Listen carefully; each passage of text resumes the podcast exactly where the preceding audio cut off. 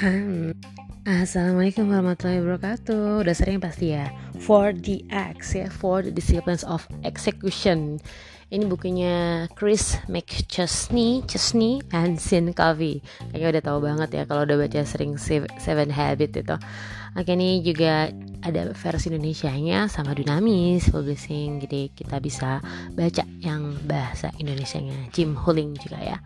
Oke yuk kita lihat ada apa sih di buku ini. Maksimalkan eksekusi dengan empat disiplin of execution ya, empat disiplin dari eksekusi ini. Ada kalanya strategi terbaik tidak memberikan hasil yang baik. Bagi pemimpin organisasi menyusun strategi merupakan suatu hal yang penting. Menerawang jauh, membentuk visi, lalu menguraikannya menjadi butiran misi merupakan bagian yang menyenangkan. Sayangnya banyak strategi baik yang tidak terlaksana sesuai action plan.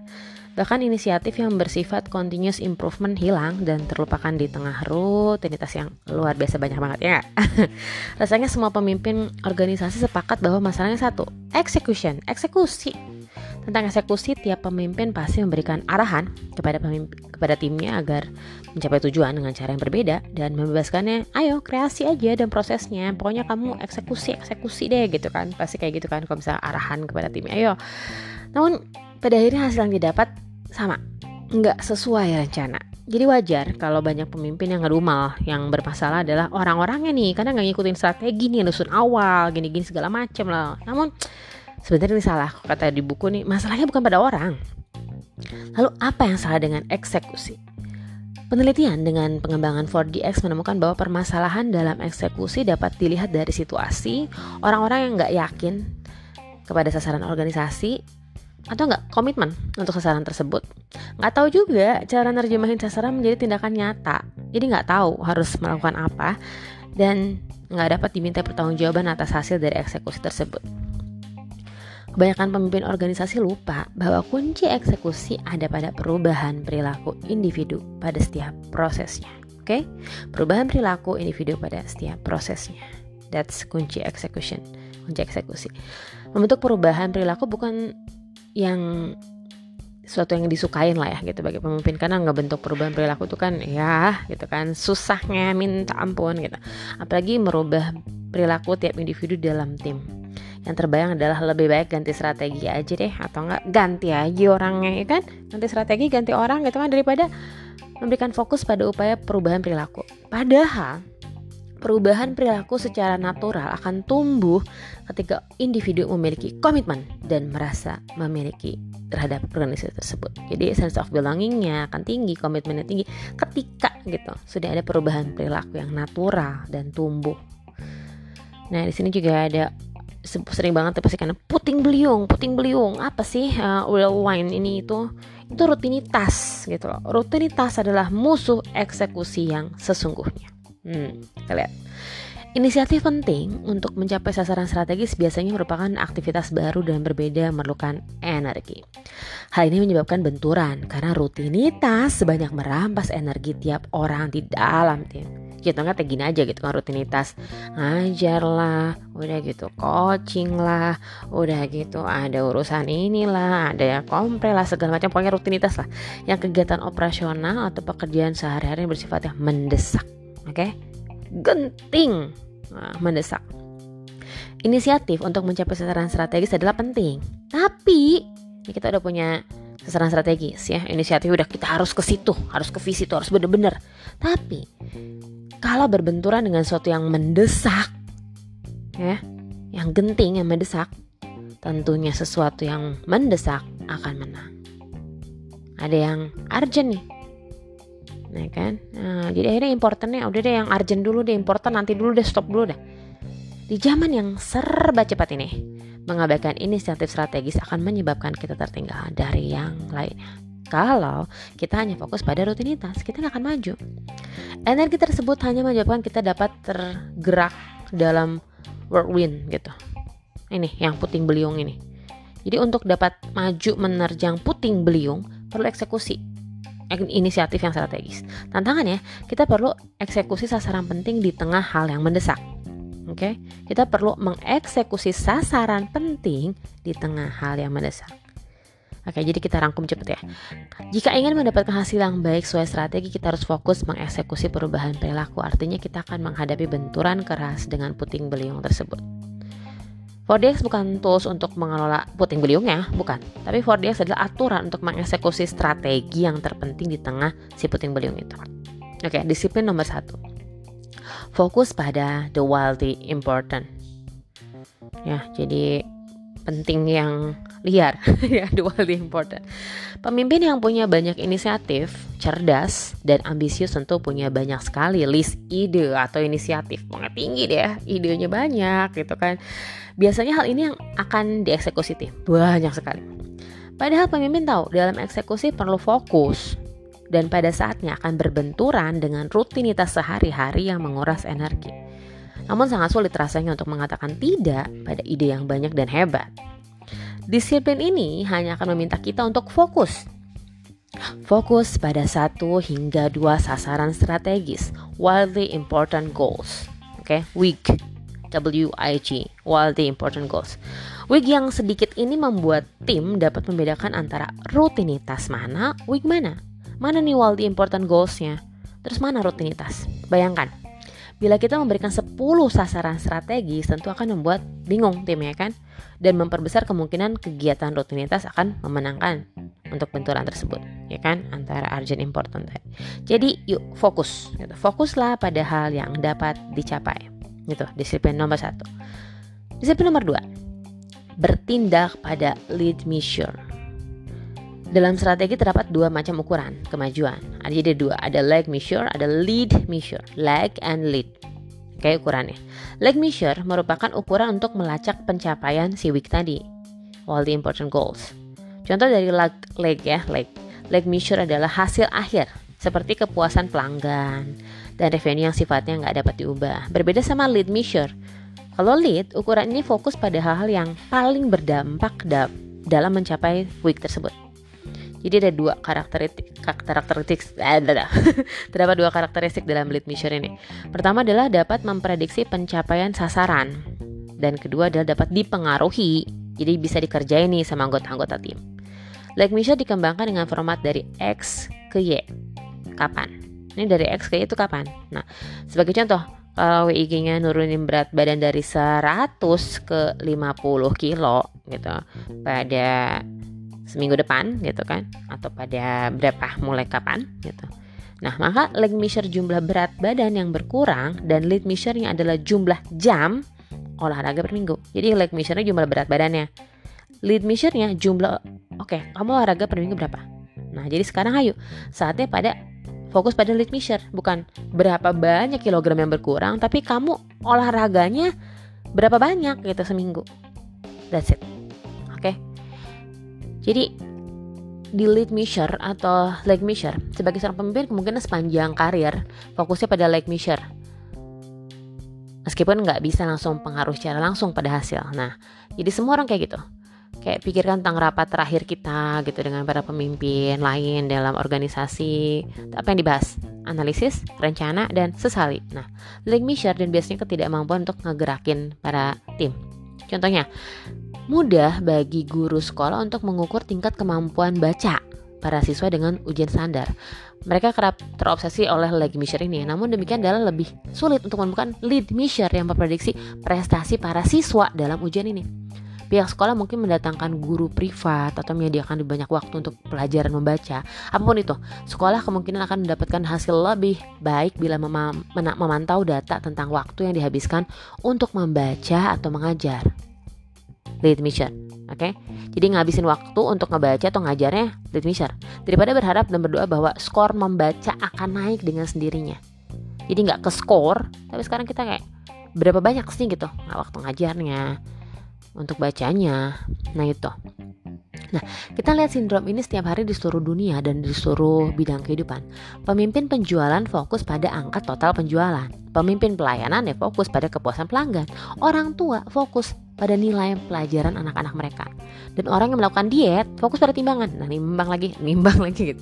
Dan dalam hampir semua kasus semata fokus pada leg measure tidak akan memberi hasil. Aduh, kurang berapa kilo, berapa kilo enggak, tapi berapa banyak kamu? Udah berapa banyak nih olahraganya? dia berapa benar ngukur kalorinya. Nah, ada dua alasan mengapa hampir semua pemimpin melakukannya. Pertama, leg measure adalah ukuran kesuksesan, hasil yang harus Anda capai. Kedua, data leg measure hampir selalu lebih mudah untuk diperoleh dan lebih terlihat daripada data lead measure. Adalah mudah untuk nimbang berat badan, mengetahui persis berapa berat badan Anda. Tapi seberapa mudah sih susah banget pasti untuk mencari tahu berapa banyak kalori yang Anda makan hari ini atau berapa banyak yang Anda bakar kalorinya hari ini. Nah, data seperti ini biasanya sulit diperoleh dan dibutuhkan disiplin untuk terus mendapatkannya. Oke, okay? nah jadi kalau mau nurunin berat badan, kita harus diet sama olahraga. Ini bukan yang baru gitu kan? Nah ini semua orang udah tahu. Nah ada perbedaan antara sekedar memahami pentingnya diet dan olahraga dan mengukur berapa banyak kalori yang anda makan dan berapa banyak yang anda bakar. Semua orang tahu bahwa kita harus berdiet dan berolahraga. Tapi orang-orang yang mengukur berapa banyak kalori yang mereka makan dan berapa banyak yang mereka bakar setiap hari adalah orang-orang yang benar-benar menurunkan berat badan dan itulah yang Tegin lakukan sekarang. Jadi kayak bisa makan oke okay, ini makan berapa banyak kalorinya terus olahraganya berapa banyak nih kalori yang buat kebakar ya? Itu daripada kayak lebih ketimbangan lagi ketimbangan lagi. Akhirnya data-data tentang lead measure lah yang membuat perbedaan. Yang memampukan kita untuk ya ngerapatin cerah celah-celah gitu yang ada. Dan apa yang anda ketahui tentang apa yang harus dilakukan sama tim anda. Nah itu dia. Jadi tanpa lead measure kita cuma bisa ngandalin leg measure. Nah sebuah pendekatan yang jarang memberikan hasil signifikan. Nah itu dia ya Jadi kita yuk kita sekarang ke lead mission Nanti kalau misalnya mau baca bukunya itu ada di mulai halaman halaman yang kayak gini gitu 54, 55 Oke okay. Nah oke okay. jadi itu ya Yuk lead missionnya jumlah berat badan yang berkurang Dan lead missionnya adalah jumlah jam olahraga per minggu Atau nulis kalori berapa nih makannya Nah yuk sekarang saatnya fokus pada lead mission Oke okay? Disiplin satu fokus pada the widely important. Oke, okay, week. Yang kedua bertindak pada lead measure. Disiplin ketiga adalah menyajikan scoreboard yang memotivasi. Nah, kalau kita lihat pertandingan sepak bola ya, permainan kan jadi seru kalau misalkan pemain di lapangan mengetahui dan menghitung skor, ya kan? Jika dapat mengetahui bahkan terlibat ikut menghitung skor dalam pertandingan, pemain tentu tahu dia menang atau kalah. Disiplin ini adalah tentang keterlibatan dan kepemilikan, engagement. Scoreboard yang baik tentunya sederhana dan biasanya dibuat dengan melibatkan para pemain di tim. Jadi bikin gitu. Nah, scoreboard yang memotivasi akan menempatkan mereka pada jalur yang tepat untuk mencapai sasaran. Nah, sekarang karakteristik scoreboard yang kayak gimana sih yang menarik gitu. Nah, ada empat pertanyaan yang akan diajukan saat menentukan apakah sebuah scoreboard akan memotivasi bagi semua pemain di tim Anda. Oke. Pertama, apakah sederhana? Harus sederhana. Scoreboard harus sederhana. Bayangin scoreboard dalam pertandingan sepak bola. Biasanya hanya dua data yang diperlihatin. Skor sama waktu. Nah sekarang bayangkan berapa banyak data yang dipantau oleh pelatih dari pinggir lapangan. Tendangan sudut, offside, tackling pemain, daftarnya tidak berkesudahan. Pelatih membutuhkan data ini untuk mengatur pertandingan, tapi scoreboard di lapangan hanya memperlihatkan data yang dibutuhkan untuk memainkan pertandingan. Skor dan waktu. Jadi harus simple. Apakah sederhana? Dua. Apakah saya bisa melihatnya dengan mudah? Scoreboard harus terlihat mudah oleh semua anggota tim. Scoreboard pada pertandingan sepak bola ukurannya sangat besar, begitu pula angkanya, sehingga semua orang mengetahui tim mana yang unggul. Bila scoreboard Anda di komputer atau tergantung di belakang pintu kantor orang nggak akan ngeliatnya dong. Nah tim juga nggak akan mikirin ya cuma di kantor gitu kan cuma ada di komputer gitu dia ah, nggak kelihatan deh gini-gini. Ingat bahwa kita selalu bersaing dengan puting beliung dan ini adalah lawan yang tangguh. Tanpa scoreboard yang terlihat weak dan lead measure akan dilupakan tuh dalam beberapa minggu. Udah bikin tuh weeknya. Udah kita ke lead measure tapi scoreboardnya nggak kelihatan ya. Udah bye bye gitu. Udah. Dalam beberapa hari udah ada semuanya yang genting-genting ini. Urgensi tugas setiap hari segala macam. Udah deh amnesia. Scoreboard yang terlihat akan mendorong akuntabilitas. Hasil pertandingan akan menjadi penting secara pribadi bagi tim ketika scoreboard bisa dilihat oleh semua orang jadi di buku nih ya, kami udah mengamati berulang kali. Kami pernah melihat bagaimana sebuah tim chef di sebuah pabrik pembotolan jus di Michigan memutuskan untuk melewatkan istirahat siang mereka agar bisa meningkatkan jumlah muatan truk yang mereka kirim untuk menaikkan angka pada scoreboard. Kenapa? Agar mereka bisa melampaui shift yang lain. Pada kesempatan lain, kami mengamati bagaimana shift malam datang ke tempat kerja di tengah malam.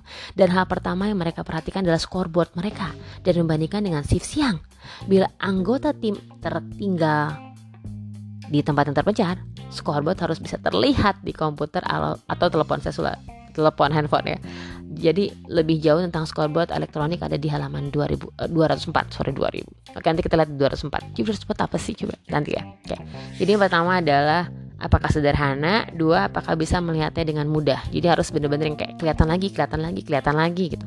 Nah itu. Apakah di handphone segala macam. Ada reminder gitu. Bahwa ini segala macam. Sedang kelihatan kayak tadi kan? Siang di yang pabrik tadi pas ngeliat ih scoreboard shift uh, siang segini. Berarti kita malah harus gini nih. Gini. Nah gitu loh. Jadi gitu. Oke ya? Jadi sederhana. Kedua apakah bisa bisa melihatnya dengan mudah? Ketiga apakah scoreboardnya memperlihatkan lead dan leg measure? Leg and lead measure Scoreboard harus memperlihatkan keduanya. Lead measure adalah yang dapat dipengaruhi tim. Leg measure adalah hasil yang diinginkan. Tim perlu melihat keduanya atau mereka akan kehilangan semangat. Bila mereka bisa melihat keduanya, mereka memperhatikan apa yang mereka lakukan. Lead dan apa yang mereka peroleh. Leg. Yang diperhatikan ya yang dilakukan berarti lead, yang diperoleh adalah leg. Begitu tim melihat bahwa leg measure bergerak karena upaya mereka lakukan terhadap lead measure, ini akan memberi pengaruh dramatis terhadap engagement karyawan karena mereka tahu mereka memiliki dampak langsung pada hasil. Keempat, dengan melihat secara sekilas, bisakah saya mengetahui apakah saya saat ini menang? Scoreboard harus langsung memberitahu apakah Anda sedang menang atau kalah. Bila tim tidak mengetahui apakah mereka sedang menang atau kalah dengan melihat scoreboard, maka ini bukan permainan, melainkan data. This is game, not only data. Periksa laporan, grafik, kartu skor, atau scoreboard Anda sebelum Anda menganggapnya sebagai sesuatu yang sudah seharusnya. Lihat spreadsheetnya yang memperlihatkan data finansial mingguan. Bisakah Anda secara seketika mengetahui bahwa Anda akan menang atau kalah? Bisakah orang lain mengetahuinya? Ditamakan adalah aturan 5 detik. Bila dalam 5 detik Anda tidak mengetahui apakah Anda sedang menang atau kalah, berarti scoreboard Anda belum tepat. Oke, okay? scoreboard dari pertama adalah simple, sederhana nggak? Bisa dilihat dengan mudah. Tiga, memperlihatkan lead and leg measure. Keempat, di sekilas uh, dalam 5 detik juga udah tahu ini scoreboardnya Anda tahu kalah apa menang. Oke, okay? itu disiplin nomor tiga. Menyajikan scoreboard yang memotivasi. Oke, okay? disiplin satu, fokus pada the wildly important. Disiplin dua, bertindak pada lead measure. Tiga, disiplin tiga, menyajikan scoreboard yang memotivasi. Lalu sekarang yang keempat, menciptakan irama akuntabilitas. Prinsip dalam disiplin ini adalah jika kita tidak bertanggung jawab pada pencapaian sasaran, maka kita akan kalah dalam benturan dengan puting beliung. Akuntabilitas memiliki irama Irama pertemuan rutin selama 20-30 menit untuk saling melaporkan hasil yang diperoleh meskipun sedang berada di tengah puting beliung. Setiap minggu selama semua anggota, semua anggota tim harus dapat menjawab pertanyaan-pertanyaan sederhana. Apakah satu hingga dua hal yang paling penting yang bisa saya lakukan di minggu depan, di luar rutinitas ya, yang memiliki dampak besar dalam pencapaian skor? Seberapa besar pergerakan lead dan leg measure pada scoreboard? Merayakan kesuksesan, bicara tentang isu penting yang terjadi dan solusi untuk memperbaikinya. Terakhir yang didapat dari 4DX bukan hanya tentang pencapaian sasaran, lebih dari itu 4DX mengajarkan bahwa fokus pada proses perubahan perilaku akan membantu tim sadar awareness bahwa mereka adalah pemenang. Gitu di buku The Four Disciplines of Execution karya Chris McJonesy, Sean Coffey, dan Jim Huling sebagai pengingat untuk diri sendiri, self reminder. Jadi boleh nih dibaca lagi ya menciptakan irama akuntabilitas tuh kayak gimana karena ada di pemikiran konvensional akuntabilitas dalam tim selalu dari atas ke bawah. Kita bertemu dengan atasan secara berkala, ngasih tahu gimana kinerja kita dan apa yang harus kita fokuskan selanjutnya. Tapi di prinsip 4DS, akuntabilitas dalam tim dibagi bersama. Kita membuat komitmen, lalu kita bertanggung jawab pada atasan, tapi yang lebih penting kita bertanggung jawab satu sama lain gitu. Jadi di week session mungkin memiliki berbagai konten, tapi agendanya selalu sama. Berikut adalah agenda tiga bagian untuk week session beserta pembicaraan yang seharusnya Anda dengar dalam sesi ini. Pertama, lapor. Laporkan komitmen di minggu sebelumnya. Saya komitmen untuk menelpon tiga pelanggan yang memberi kami skor rendah. Saya sudah melakukannya dan inilah yang saya pelajari. Atau misalkan, saya berkomitmen untuk mengajak sekurangnya tiga calon pelanggan untuk mengunjungi lokasi. Akhirnya saya mendapat empat calon pelanggan. Contoh lainnya, saya bertemu dengan VP kita tapi tidak berhasil mendapatkan persetujuan yang kita inginkan. Ini alasannya, itu komitmen ya lapor. Kedua, tinjau scoreboard, belajar dari kesuksesan dan kegagalan dari kondisi saat ini. Lead measure kita hijau, tapi kita menerima tantangan dari salah satu lead measure kita yang baru saja menjadi kuning. Inilah yang terjadi, bla bla bla bla. Atau yang misalkan tren kita pada lead measure naik, tapi lead measure kita belum bergerak nih. Kita telah sepakat sebagai tim untuk melipat gandakan upaya kita minggu ini untuk menggerakkan skor atau misalkan ditinjau scoreboardnya meskipun kita bergerak mengarah pada pencapaian WIG minggu ini kita melaksanakan sasaran bagus. Dari seorang pelanggan yang dapat mempengaruhi memperbaiki skor lead measure kita lebih jauh lagi. Jadi yang pertama laporin komitmen di minggu sebelumnya. Dua tinjau scoreboard belajar dari kesuksesan dan kegagalan dari kondisi saat ini. Ketiga rencananya clear depan jadi ngebuka jalan untuk rekan satu tim. Dan buat komitmen baru untuk minggu berikutnya. Contohnya kayak gini nih kata-katanya. Saya bisa clear the path untuk Anda menyangkut masalah tersebut. Saya kenal nih sama orang yang kayak gini-gini. Yang kedua, saya akan pastikan isu persediaan yang mempengaruhi lead measure kita akan dipecahkan minggu depan. Atau yang ketiga, saya akan bertemu dengan Handara untuk membahas orang-orang kita dan minggu depan saya akan kembali dengan sekurangnya tiga ide untuk membantu agar kita bisa meningkat. Oke? Okay? Lapor, tinjau scoreboard, rencana. Laporkan komitmen minggu lalu, belajar dari kesuksesan dan kegagalan, clear the path dan buat komitmen untuk minggu depan itulah pokoknya tidak tetap fokus meskipun menghadapi puting beliung ini.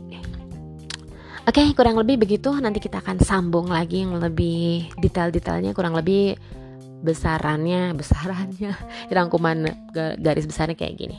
Jadi silahkan boleh dibaca langsung bukunya The 4DX ya. Benar-benar yang The Four Disciplines of Execution karya Chris Meckens Mac Chesney, Sin Coffee dan Jim Huling buat self reminder dan buat diri kita biar yang lebih fokus pada proses perubahan perilaku dan kita akan lebih sadar bahwa kita adalah semuanya pemenang.